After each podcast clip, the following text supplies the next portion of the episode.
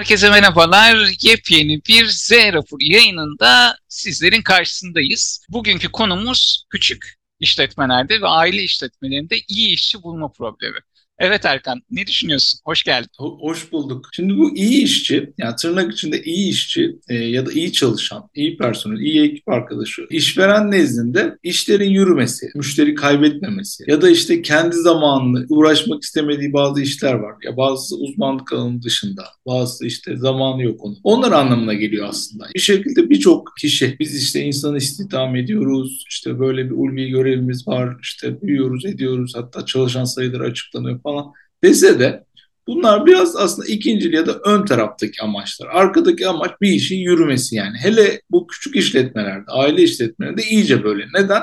Çünkü bir para çıkıyor sistemden. Öyle ya da böyle bir para çıkıyor. Hele son zamanlardaki ekonomik durumu göz önüne alırsak bir ekonomik dalgalanma içindeyiz. Yani kriz mi diyelim demeyelim bilmiyorum ama dalgalanma ifadesi daha doğru sanki. Fiyatların çok değişik olduğu.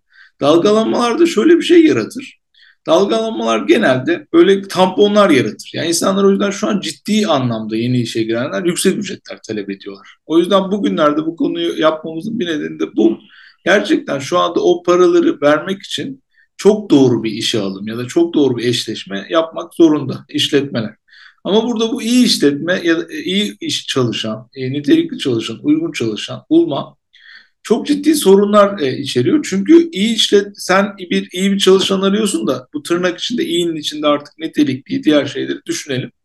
Acaba sen iyi bir iş veren misin? Yani çünkü sen onu seçiyorsun da e, o da seni seçiyor. Yani eskiden de o monopolistik rekabet diye bir şey vardır iktisatta. Monopolistik rekabet şudur. Monopol değil ama monopolistik rekabet. Sen bir tane bakkalsındır. Bakkallar da bizi affetsin bir onlardan örnek veriyoruz. Sen bakkalsındır. O mahallenin tek bakkalısındır. O yüzden kişi e, lokasyon olarak yakın olduğu için sana ya da telefonla ulaştığı için hızlıca senden alışveriş yapar. Ama sen en iyi ürünün olduğu için en iyi hizmetin olduğu için değil de sen en orada monopolistik bir durum yaratmışsındır yani baktığın zaman. E, hatta ileride bir yerde daha büyük bir market açarsa hemen switch eder, geçer, başka değiştirir. Şimdi eskiden böyleydi. İşveren piyasasında da böyleydi. Yani insanlar mecbur oldukları için, seçenek olmadık, olmadığı için, biraz da böyle gözleri açılmadığı için deyip idare ediyorlardı vaziyeti. Sen iyi işletme olup olmama çok önemli değildi açıkçası. Ama şimdi öyle değil. Yani şimdi bu insanlar daha iyi eğitim alıyorlar, daha bilinçliler, sosyal medyayla e, birbirlerinin hakkını koruyorlar. Tuhaf şeyleri biraz da mizahi üsluplarla haber yapıyorlar. Sözlüklerde yazıyorlar. E, şikayet var, koma yazıyorlar. Oraya yazıyorlar, buraya. Herkes o kadar bilinçli ki. Yani sen çalışan böyle ben ona işte bir tane algı yaratırım. O da kabul eder. Ondan sonra da onu ben 10 yıl öyle yönetirim. Gitti bu işler bitti artık yani. O nedenle e, işveren markası yani sen işveren markanı e, konsepte bu çok ciddi oturtman lazım ki o iyi çalışana eriş. Beautiful Mind diye bir film vardı. Akıl oyunları. Russell Crowe oynamıştı. Hatta çok da iyi bir performans sergilemişti bana kalırsa filmde. Bir teoremden bahsediyor. Bara ya da işte kafeye sarışın çok güzel bir kız giriyor. Bütün erkekler kıza bakıyor. 4-5 kişilik bir erkek grubuyla 4-5 kişilik bir kız grubu. O anda göz göze geliyor Russell Crowe kızla. Sonra kafasında hemen bir teorem yazıyor. Diyor ki hepimiz diyor sarışın bayana doğru hareket edersek diyor erkekler olarak diyor hiçbirimiz kazanamayız. Ya da bir kazanan olur çok kaybeden. Öte yandan diyor hani sarışın bayanı ignore edip böyle işte onu yok sayıp e, diğer yanındaki bayanlara da hakaret etmeden onun ya, onların yanına gidersek en azından çok kazananlı bir şey olur. Böyle bir teorem öne sürüyor. Oyun teorisi, işte Nash dengesi. Sarışın kız büyük kurumsal, işte herkesin üniversiteden mezun gençlerin kapılarında yattığı, o böyle büyük gökdelenlerin olduğu firma olsun. Diğer kızlar da küçük firmalar olsun, erkekler de iş arayanlar olsun. Yani hani bunu bu şekilde uyarlarsak nasıl bir yol izlemek. Abi işte aslında bu toplumda John Nash biliyorsun bu teoremi aslında rekabet e, üzerine yani e, kaynak rekabeti üzerine işte o orada sarışın tek olduğu için öyle bir kaynak rekabeti var. Herkes ona yönelince de savaşlar çıkıyor. Bir de e, baktığın zaman rekabetten kaçınmak var. E, Peter Thiel diye bir yazar var. Bu e, yazar aynı zamanda PayPal'ın kurucularından biri. Elon iki ortak bunlar PayPal. Elon Musk ünlüsü. Şimdi coştu iyice zaten.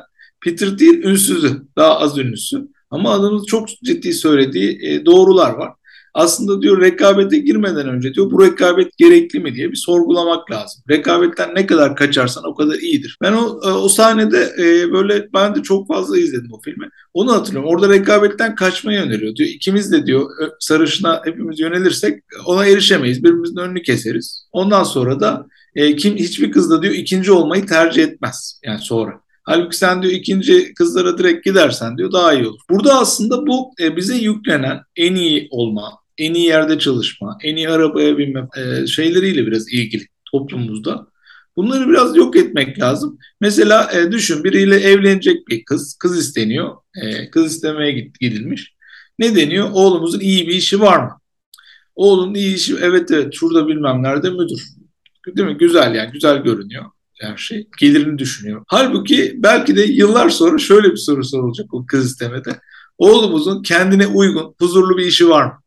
Çünkü iyi bir işi olabilir, eve gelmiyor adam yani. İlgilenemiyor. Sorunları çözemiyor. Geçen programda bahsetmiştir. Ekmek kızartma makinesi bozuk duruyor. O arkadaş da şey yapmasın bizde örnek oldu bize. Yani baktığın zaman böyle olacak. Özetle ben şeye daha çok inanıyorum. Yani böyle bir vizyon bilmiyorum ileride olur olmaz. Kendine uygun işe daha çok inanıyorum. İşletmeler bence kendine uygun elemanları bulmaya çalışmalı. Ee, çalışanlar da kariyer planlarını yaparken kendine uygun işleri bulmaya çalışmalılar. Bazısının iyisi sana iyi olmayabilir. Örneğin ben işletme okuduk işte. Hep bize şey dediler, gir işte bir iki yıl, üç yıl bir büyük danışmanlık firmasında çalış. Doğru demişler aslında. Danışmanlığa gireceğimizi bilmiyorduk o zaman. Neyse yani gir çalış. 2-3 yıl eve gelemezsin. Çok koşturursun. Şöyle yaparsın, böyle yaparsın ama sonra işte bir yere müdür olursun. Üst düzey yönetici olursun. Benim de cevap net o zaman. Ben öyle üst düzey yönetici olmak istemiyorum ki. Nasıl istemiyorsun? Böyle kitleniyor sistem sonra. İstemen lazım ya. Ondan sonra orada e, şeye benziyor. Neyzen bir, bir hikayesi var ya. Şu olunca ne olacak, bu olunca ne olacak. En sonunda diyor hiç olacağım diyor. E zaten ben hiçim şu an diyor. Ya o anlamda orada e, işletmelerin de çalışanların da kendine uygunu bulması lazım. Mesela ben üniversitede böyle kısa bir araştırma görevi deneyim oldu. Ondan sonra ben e, aslında orta ölçekli işletmelerde daha çok inisiyatif alanı olduğunu keşfettim. Yani bir tane hocam bunu sağladı. Yani gel bak böyle olur, şöyle olur. Başta çok temkinliydim. Ailem de çok temkinliydi aslında. Ne işim var orada yani bilmem ne üniversitesindesin sen. Yani o anlamda ben öyle bakmadım. Yani dedim belki inisiyatif alabilirim, proje olabilir, şu olabilir. Deneyelim dedim, girdim. Ve gerçekten çok mutlu oldum sonra. Yani çünkü hep en böyle yeni, zor problemler önüme aktı. Ya büyük bir şirkette olsaydım büyük ihtimalle o problemlerle yüzleşmem bir 3-5 yıl alacaktı. Burada günlük tak tak diye o size geliyor. Siz oradasınız. Bayağı bir inisiyatif alanı yarattı bana. Kariyerimi böyle inşa ettim. Büyüklük ve iyilik kavramı değişiyor. Ee, ona göre ben çalışanlara da, çalışan adaylarına da kendilerine uygun olup olmadığını bakmalarını rica ediyorum. Bazen de eskiden böyle büyük firmada çalıştığında maaşın da yüksek olur, hakların da yüksek olur gibi bir durum vardı. Ama bu da ufak ufak değişiyor. Yani ben büyük firmada çalışıp az kazanan, küçük firmada çalışıp pozisyonu yükseldiği için ve orada eşsiz bir konum elde ettiği için çok kazananlar da görmeye başladım. 3-5 senedir. Buna da bakmak lazım. E, bir son olarak da şey ekleyeceğim. İşverenler de e, hep böyle oluyor ya hep böyle haberler oluyor şeyler oluyor işte. Yani İngilizce biliyor musun? Evet. Nereden mezunsun? Şuradan. İşte iş tecrüben, proje yönettim mi, onu yaptım mı bilmem ne. Tamam gel makam şoförüsün. Yani abi sen neyi arıyorsun? Ne? Uygun değil bu. O kişi bir süre sonra sıkılacak. Geçici bir iş onun için. Biz kişiyi alırken şöyle şeyler söylüyoruz am yani. Bu kaçar diyoruz. bu kaçar. Bu çok güzel tırnak içinde çok güzel bir şey. Çünkü siz ona bir emek yatır, emek e, zaman öğretme, müşteriyle tanıştırma, tedarikle tanıştırma, ekiple tanıştırma bir yatırım yapacaksınız. Belli yani o oranın insanı değil. Yani etkinlikleri uygun da olsa, fazla da olsa, az da olsa oranın insanı değil. Orada kalıcı olabilecek kişilere yönelirlerse bu da bir gelişim alanı aslında işletmeler için. Yani en iyi olanı değil de Zaten en iyi erişmeleri çok zor. Yani çünkü en iyi dediğin gibi o büyüklerin e, e, tekeli altında. En uygun, en kalıcı olacak. Karşılıklı emek verince e, böyle daha uzun süreli ilişki kuracak çalışana yönelmeleri gerekiyor işletmelerinde. Babam anlatmıştı. Askere gidiyor. Ondan sonra askeriye de işte yüzbaşı içtimada soruyor. Diyor ki aranızda elektrik elektronik mühendisi var mı diyor. 3-5 asker böyle el kaldırıyor tamam diyor aranızda diyor elektrik elektronik mühendisi olup da diyor hani yüksek ihtisas yapmış olan var mı diyor. işte sayılar daha azalıyor falan böyle işte 2-3 kişi kalıyor. Peki diyor doktora yapmış olan var mı diyor. Bir tane askerin eli havada kalıyor. Tamam diyor sen diyor televizyonu açıp kapamakla sorumlusun diyor. Bu anca bu kadar fazla personelinizin sizin ayaklarınıza geldi. Askeriye gibi kurumlarda belki hani olabilir ama e, gerçek hayat bu şekilde değil. Sen de böyle örnek verirken hep aklıma şey geliyordu. Yani arzın son derece kısıtlı olduğu ama talebin çok fazla olduğu durumlar. O eski güzel yıllar işte iki tane otomobil markası var. Onların da zaten toplamda dört tane modeli var. Herkes gidip onlardan alıyor. Bu olaylar kalktığı için artık daha çok daha farklı bir denge gerçekten de e, kuruluyor gibi. Hani belki de e, dediğin gibi hani küçük işletmelerde veya startuplarda iş bulmak hem kendinin yani kişisel gelişim hem de kariyer basamaklarına daha hızlı tırmanmak adına daha mantıklı olabilir. İzmir, Ankara, İstanbul işte ya da doğuya bakarsak yani Gaziantep vesaire hani tip şehirlerde biraz daha böyle personel bulunması sanki daha kolay gibi gözüküyor ama nispeten e, sonuçta bizim işte Anadolu'dan da takipçilerimiz var, şeyden de var. Hani başka yerlerde adayın bulunması daha zor olduğu söyleniyor. Bu konuda ne düşünüyorsun? Abi şöyle bir şey var yani aslında Türkiye'de bu çok genel bir aslında belki de bütün toplumlarda böyledir bilmiyorum. Biz derinliğine bizim toplumu daha iyi biliyoruz. Böyle genellemelerle bir kararlar veriyoruz. Yani ve bu bizi bazen çok olumluya şey, sevk ediyor. İstanbul diyor ya burası. E, her bir sürü insan var. Nasıl bulamıyorsunuz? Adam anlamıyorum. Ya da diyor ki mesela bir tane şey müşterimiz var şimdi birlikte çalışıyoruz. Burası Şanlıurfa diyor. Bu kadar diyor. Yani yapacak bir şey yok. Bu Şanlıurfa'da diyor. Bu kadar. Elazığ'da diyor bu kadar. Nereden bulacaksın o elemanı? Ben bunların çok büyük genellemeler olduğunu düşünüyorum. Yani ve bu genellemeler üniversite seçiminde de böyle. Diyor ki bu sene puanlar çok düşmüş. Bu sene puanlar çok yükselmiş. Kime göre, neye göre? bu sene sorular çok zormuş. E ona da zormuş. Ya da böyle bakıyorsun futbol takımlarında bu sene hakem kararları bilmem ne. Ya ona da öyle, sana da öyle. Yani bu genellemelerden bir yere varamıyoruz. Benim o yüzden önerim konumuza dönersek çalışan aramada e, aslında siz genelde bir pozisyona bir eleman arıyorsunuz. Hele bir küçük işletmeden bahsediyorsak, küçük orta boy bir işletmeden bahsediyorsak genelde hatta bir iki pozisyona eleman. hatta iki pozisyona bir eleman.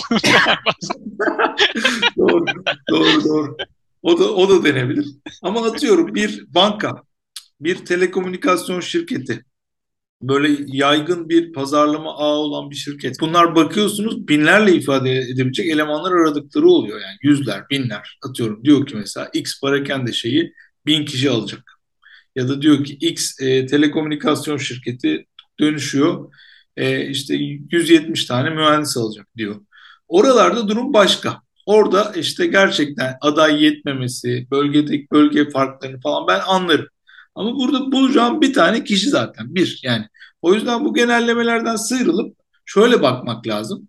Yani Türkiye çok büyük bir ülke. Yani öncelikle. Yani üniversiteler var, harıların mezun yetiştiriyorlar. Yani her alanda bir şeyler var. Aynısı olması da benzeri var, yakını var. Yurt dışından geleni var, geri yurt dışına gideni var, köyüne döneni var, İstanbul'a göçeni var. Eşinin tayini e, büyük şehire çıkanı var, küçük, küçük şehire çıkanı var. Ya olumlu bakarsan aslında çok ciddi bir istatistik var yani. Havuz var yani baktığında. Sen eğer aradığını doğru tanımlarsan, çalışan piyasasına doğru bir mesaj verirsen, kendini iyi anlatırsan ve güzel bir işveren markası oturtursan, bunu bir önceki bir programımızda daha almıştık bu kavramı. Kişi derse ki bu, bu şirkette çalışmak iyidir. E, maaşını zamanında öder, hakkını yemez, seni geliştirir kollar, şu bu imajını verirsen insanlar da iş arıyor sonuçta. Sen, seni bulurlar yani. Onlar seni bulur. Sen onları bulursun. Ben o anlamda o büyük şehirlerdeki çok farka inanmıyorum. Hatta bak tam tersi bir şey söyleyeceğim şimdi.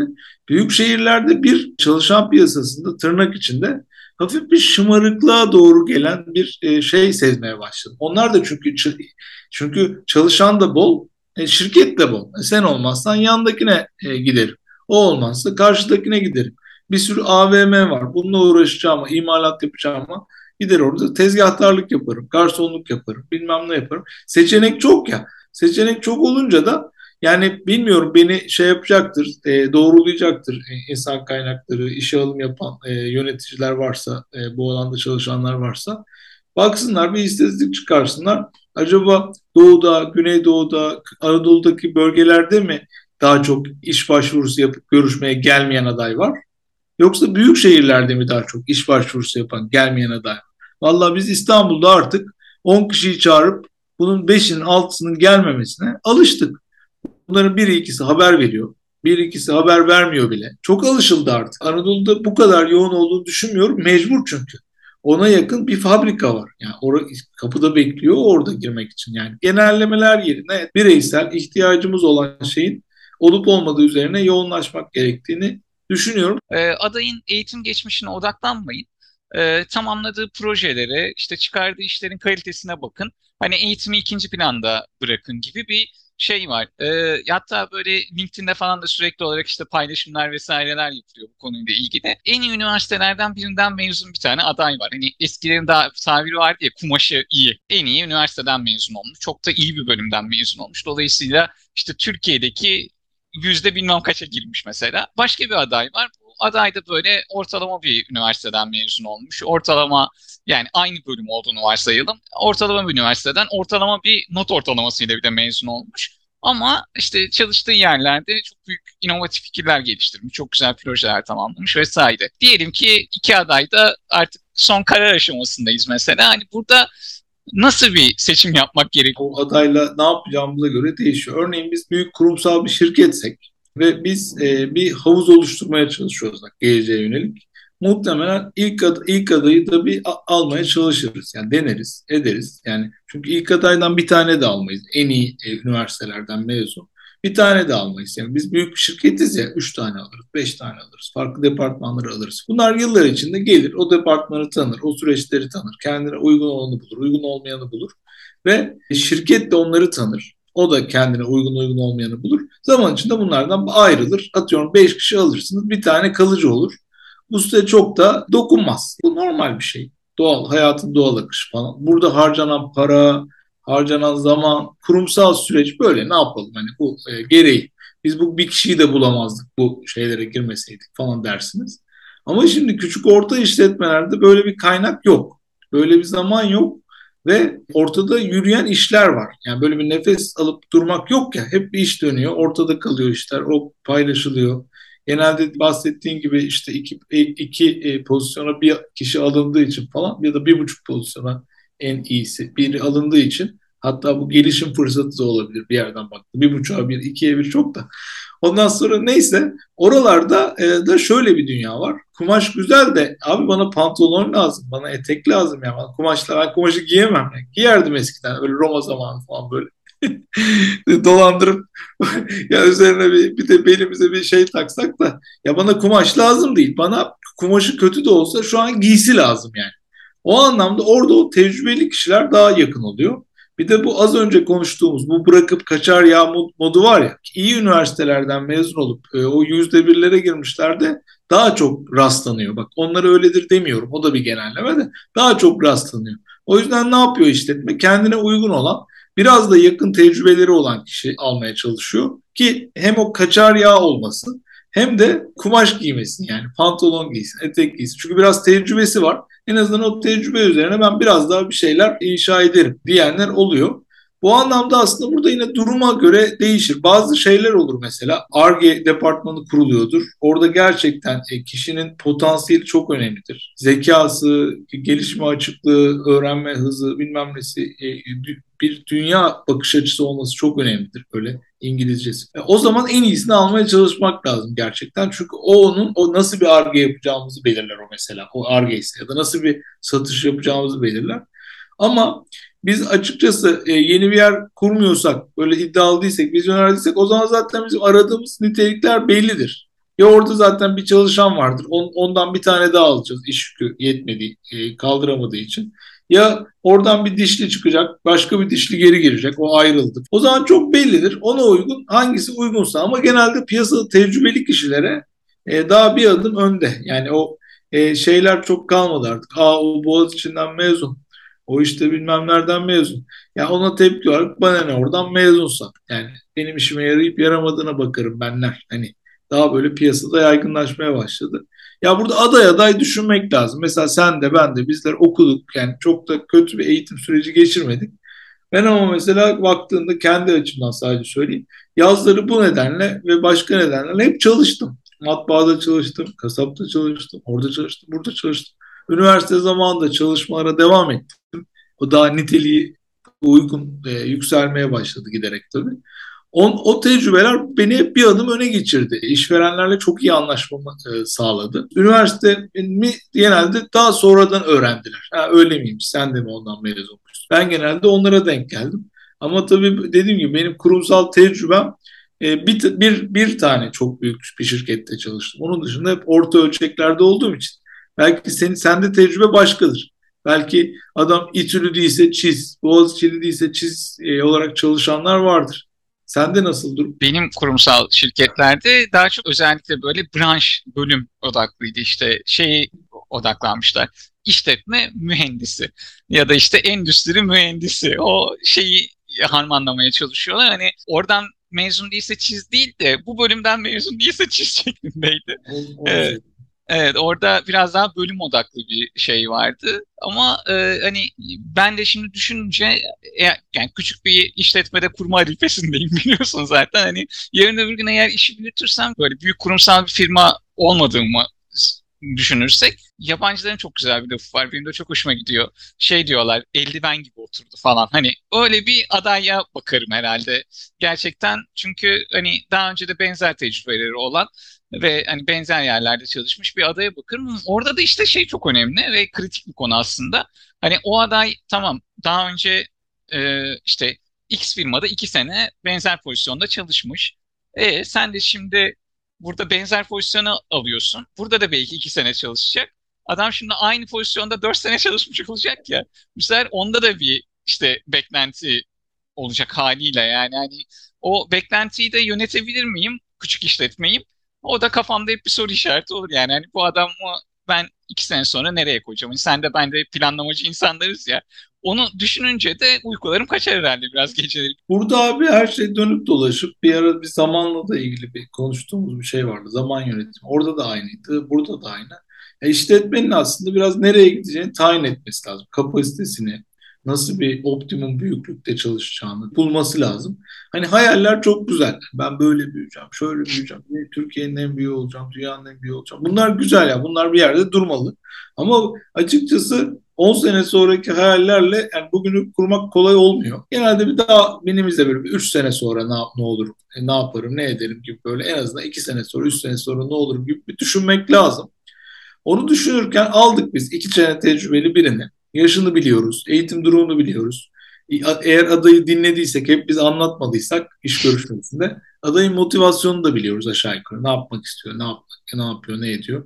E, genelde bazen rol yaptıklarından, bazen de işveren ya da iş görüşmesi yapan rahatlatmadığından kolay anlatmıyorlar ama o çok önemli o motivasyonu anlamaya çalışmak. 2-3 görüşme yaparsanız en azından biri bunun üzerine olabilir o motivasyonu da biliyorsanız siz şirketin büyüyeceği yolu bildiğiniz için, tahmin ettiğiniz için. Çünkü işletme sizin elinizde. Satışlar mı artacak? O bölümün operasyonu ne kadar büyüyecek? Bunu bildiğiniz için. Burada birkaç yol var. Ya o kişiyi başarılı olursa yönetici yapabilirsiniz. O büyüme oraya doğru gidecekse, ekip büyüyecekse.